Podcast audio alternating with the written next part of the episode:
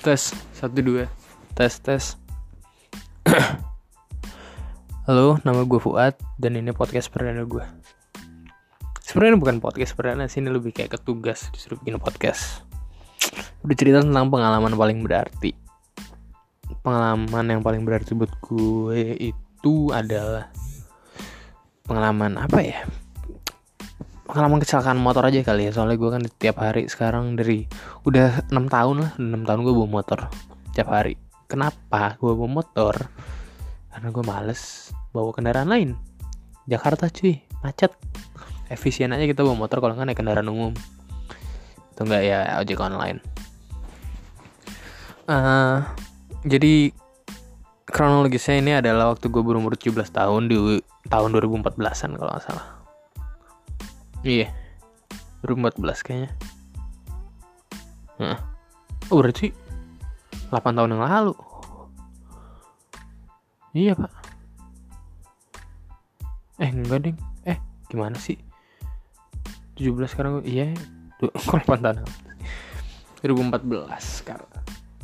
Uh, gue tuh berumur 17 tahun.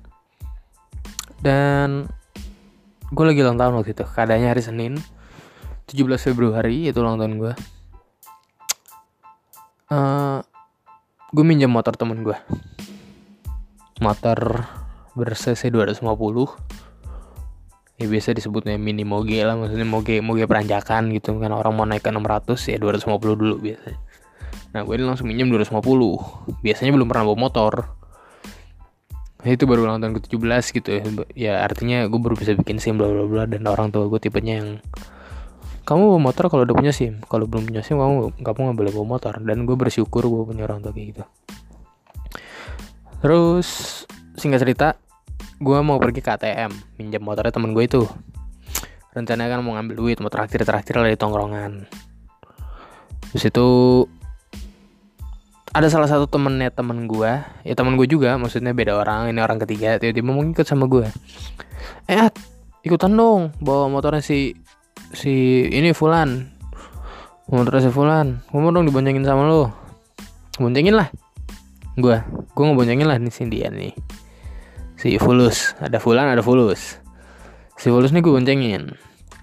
Dari jarak SMA gue dari jarak tongkrongan SMA tongkrongan gue tuh banget sama SMA gue dari jarak SMA ke ATM itu deket banget. Kayak kalau misalnya lo tahu kayak dari mana ke mana kayak dari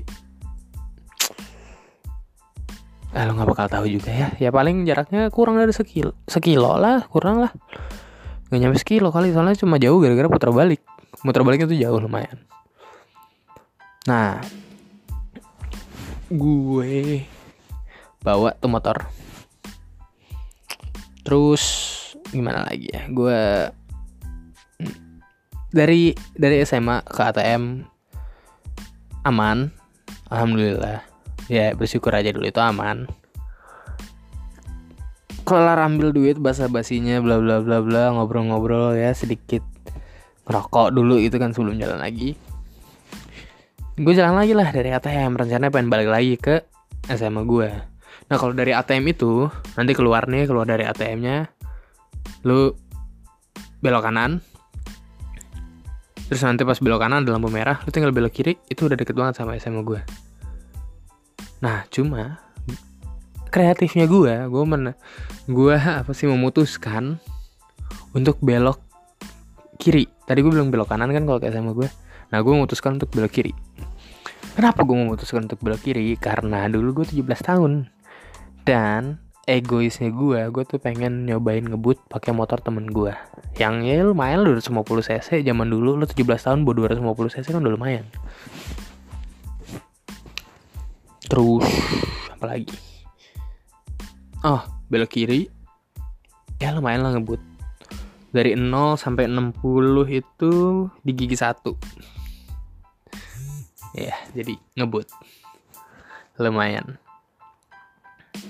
Gue ngebut set.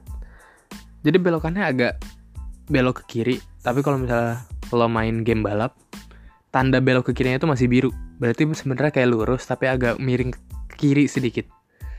Jadi ya gara-gara gue ngebut jadi gue harus agak lebih memposisikan motor gue tuh agak lebih ke kiri dong biar nggak kayak meloncong lurus saya gitu. Nah motor gue agak miring ke kiri tapi nggak tahu kenapa karena ban belakangnya itu udah diingetin sama temen gue yang punya motor sebelumnya hati-hati ban belakang sama ban belakangnya agak botak jadi lu harus hati-hati. Oke? Tiba-tiba ban belakangnya gue kualat ban belakangnya agak merosot bu ngebuang ke kanan gitu. Ngepot lah ya bahasa merosot. Ngebuang ke kanan. Di situ gue sebenarnya awal-awal masih ngontrol dikit lah masih kayak oh gue kan dulu main fiksi kalau lo pada nggak tahu fiksi itu apa fiksi itu sepeda yang nggak pakai rem. Remnya itu harus di ada namanya di skid di ngepotin. Jadi gue agak sedikit dapat handling dari belajar handling dari fiksi waktu motornya itu ngebuang ke kanan. Gue agak kayak miringin setir gitu kan miringin stang biar agak bisa lurus lagi. Tapi karena fix itu kalau jalan kan 20 km lah paling paling kenceng ya. Ini 60 pak. Lagi belok ke kiri dikit gitu. Sat udah mau jatuh. Nah di situ gue ya akhirnya kalau kalian tahu high side crash high side crash itu jadi misalkan lo belok ke kiri jatuhnya ke kanan. Itu namanya high side. Nah gue high, high side. Gue lagi belok kiri motor gue ngebantingnya ke kanan crashnya. Akhirnya kayak gitu. Gue nggak luka apa apa untungnya. Paling cuma lecet di bagian bokong. Itu celana robek. Temen gue juga sama persis kayak gue nggak ngeluka apa apa cuma malu. Dan yang paling gak enaknya lagi kalau misalnya lo kecelakaan itu adalah ngebayarnya.